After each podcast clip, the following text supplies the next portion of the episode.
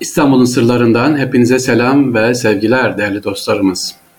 Sevgili dostlarımız Osmanlı İmparatorluğu döneminde biliyorsunuz hepimiz ilkokuldan beri duymuşuzdur hemen hemen kapitülasyonlar, kapitülasyonlar var. Peki acaba Müslüman tüccarlar ne yapıyordu?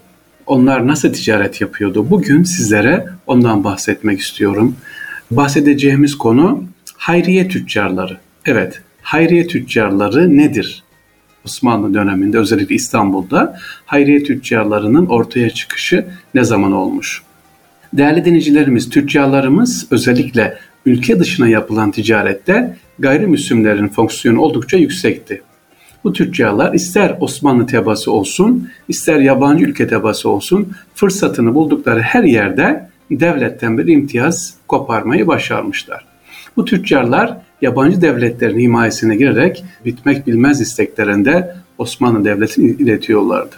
Sultan 3. Selim bu duruma bir çözüm bulmak için elçiliklere gönderip girişimlerde bulunduysa da sonunu getirmeye muvaffak olamadı. Özellikle Rusya'nın Rum tüccarlar üzerindeki etkisi devleti zor duruma sokuyordu. Peki ne olacak?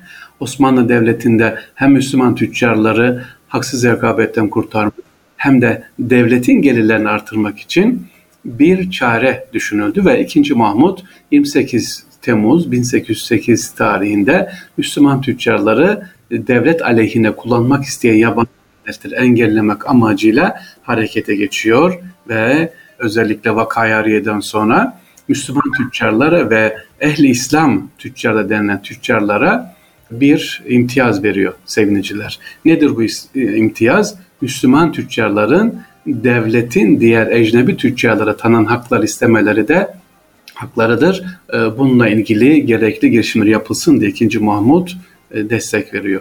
Yani düşünün Osmanlı döneminde ta 1800'lere kadar ticaret ne kadar önemli ama çoğunluk Müslümanların elinde değil. Özellikle e, Fransa, Rusya dediğimiz gibi gayrimüslimlerin elinde onlar ticaret yapıyor.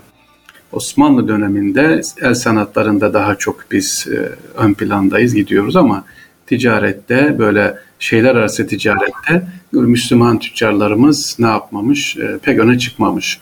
Peki nasıl hayriye tüccarı olunuyor ve hakları nelerdir hayriye tüccarı? Hayriye tüccarı nizamnamesine göre Avrupa tüccarları gibi bunların da İstanbul'da bir konsolosu ve iki tane de muhtarları bulunuyor. Şehbender deniyor buna konsolosla. Tüccarlar ikamet ettikleri yerin kadı ve idarecileri tarafından verilen iyi hal kağıdı ile beraber iki de kefil göstermek durumundaydılar.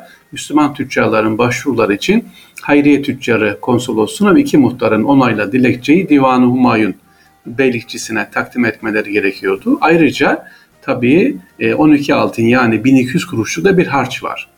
İşte yavaş yavaş dediğimiz gibi Müslüman tüccarlar Şam, Halep, Bursa ve İzmit, İzmir gibi ticaret mahalli yerlerde ne yapmışlar? Artık ticarette başlamışlar beratlı tüccar olarak. İstanbul'da özellikle o kadar çok ki Müslüman tüccarlar bu işe önem vermişler. Hayriye tüccarı olmak için. Yalnız burada bir şeye dikkat çekmek istiyorum sevgili dinleyicilerimiz. Erkam Radyomuzun vefalı dinleyicileri hayriye tüccarı dediğimiz yani ehli İslam tüccarı e, beratında şu cümle önemli. Diyor ki kesinlikle ticaretinde dürüst olacak, yalan söylemeyecek, verdiği sözünde duracak ve hani bugün çeki karşılıksız çıkar ya çeki karşılıksız çıkmayacak yani sözü yerine getirmediği olmayacak ve iki tane de kefili olacak diyor bu Müslüman tüccarların ne kadar önemli. Sözünü yerine getirecek dürüst tüccar.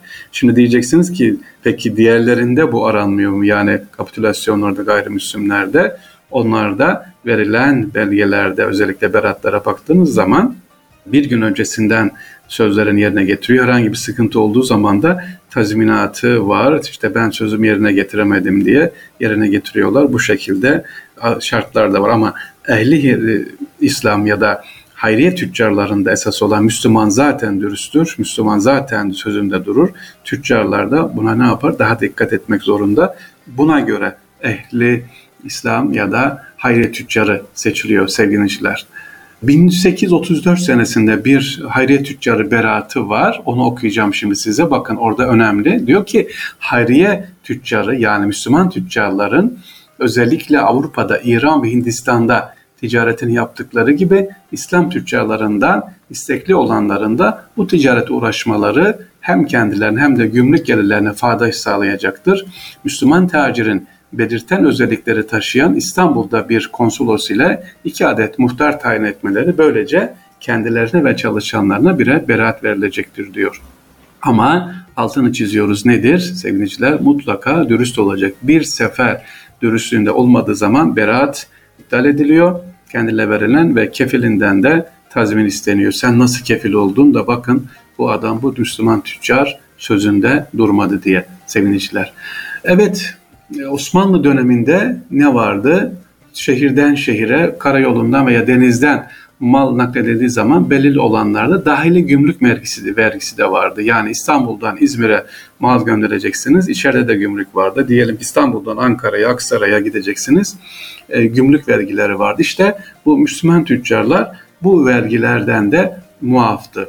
Şöyle baktığımız zaman vergilere Ahmediye vergisi Osmanlı Devleti'nin sınırları içerisinde kara veya deniz yoluyla nakledilen mallar üzerinden malın vardığı yerde alınan vergi malın vardığı yerden, o şehirden alınıyor. Buna amediye. Reftiye deniyor. Osmanlı devlet sınırları içerisinde bir yerden bir yere veya yabancı bir devlet nakledilen malların çıktığı yerden alınan vergi. Bir vergi de varmış masdariye Osmanlı devlet toprakları dışından gelip memleket dahilindeki herhangi bir şehir veya iskeleye getirilen ve oradan satılan mallardan alınan vergiymiş bu da. Bir de müridiye var. Yabancı bir memleketten başka bir yabancı memlekete götürülen mallarda Osmanlı topraklarından geçtiği zaman alınan vergi. Bu da bir çeşit transit vergi oluyor sevgiliciler. İşte Müslüman tüccar, tüccarlar ya da beratlı tüccarlar dediğimiz hayriye tüccarları bu vergilerden ne yapmış oluyor? Muaf olmuş oluyor. Bunları kim muaftı daha önce? Gayrimüslim tüccarlar. Yani ticarete biz biraz geç girmişiz sevgiliciler ki bu dediğim rakam 1800 yok muydu ondan önce vardı. Ama dediğimiz gibi daha çok küçük esnaflar, küçük imalatlar böyle ticaret bir malı bir yerden alıp götürmek genelde gayrimüslimlerin e, tek elinde demeyeyim de onların elinde olduğu için bu 1800'e kadar e, pek de öyle kurumsallaşmamış sevgiliciler. Bu beratlı tüccarlar dediğimiz gibi e, özellikle Osmanlı Devleti içerisinde gayrimüslimler beratı varsa serbestçe ticaret yapabiliyorlardı. Tabii gümrük vergiler alınıyor ama daha çok imtiyazlar var. İşte hayriye tüccarları dediğimiz gibi e, bunları ne yapmış? Müslümanların da artık ticarete girmesini sağlamış bu sayede. Ticaret diyoruz sevgiliciler. İstanbul'da değil Osmanlı döneminde de ticaret önemli. Ama nasıl bir ticaret? Dürüst bir ticaret. İşte bununla ilgili birçok kurumlar var. İlk ben hatırlıyorum Müstakil Sanayici İş Adamları Derneği kurulduğu zaman 1990'da Allah rahmet etsin Turgut Özal ve Erbakan çok desteklemişlerdi. Müslümanlar da tüccarlar olabilir, sözünde durabilir diye. Ee, inşallah bizler de küçük esnaftan olsun, ihracat, ithalat yapanlar olsun. En önemli şey nedir? Dürüstlük. Tüm tüccarlarımızın, iş adamlarımızın bu dürüstlük ilkesinden inşallah ayrılmamaları duasıyla dileğiyle ediyoruz. Hepsi hayriye tüccar olsun inşallah. Allah'a emanet olunuz. Kolay gelsin efendim.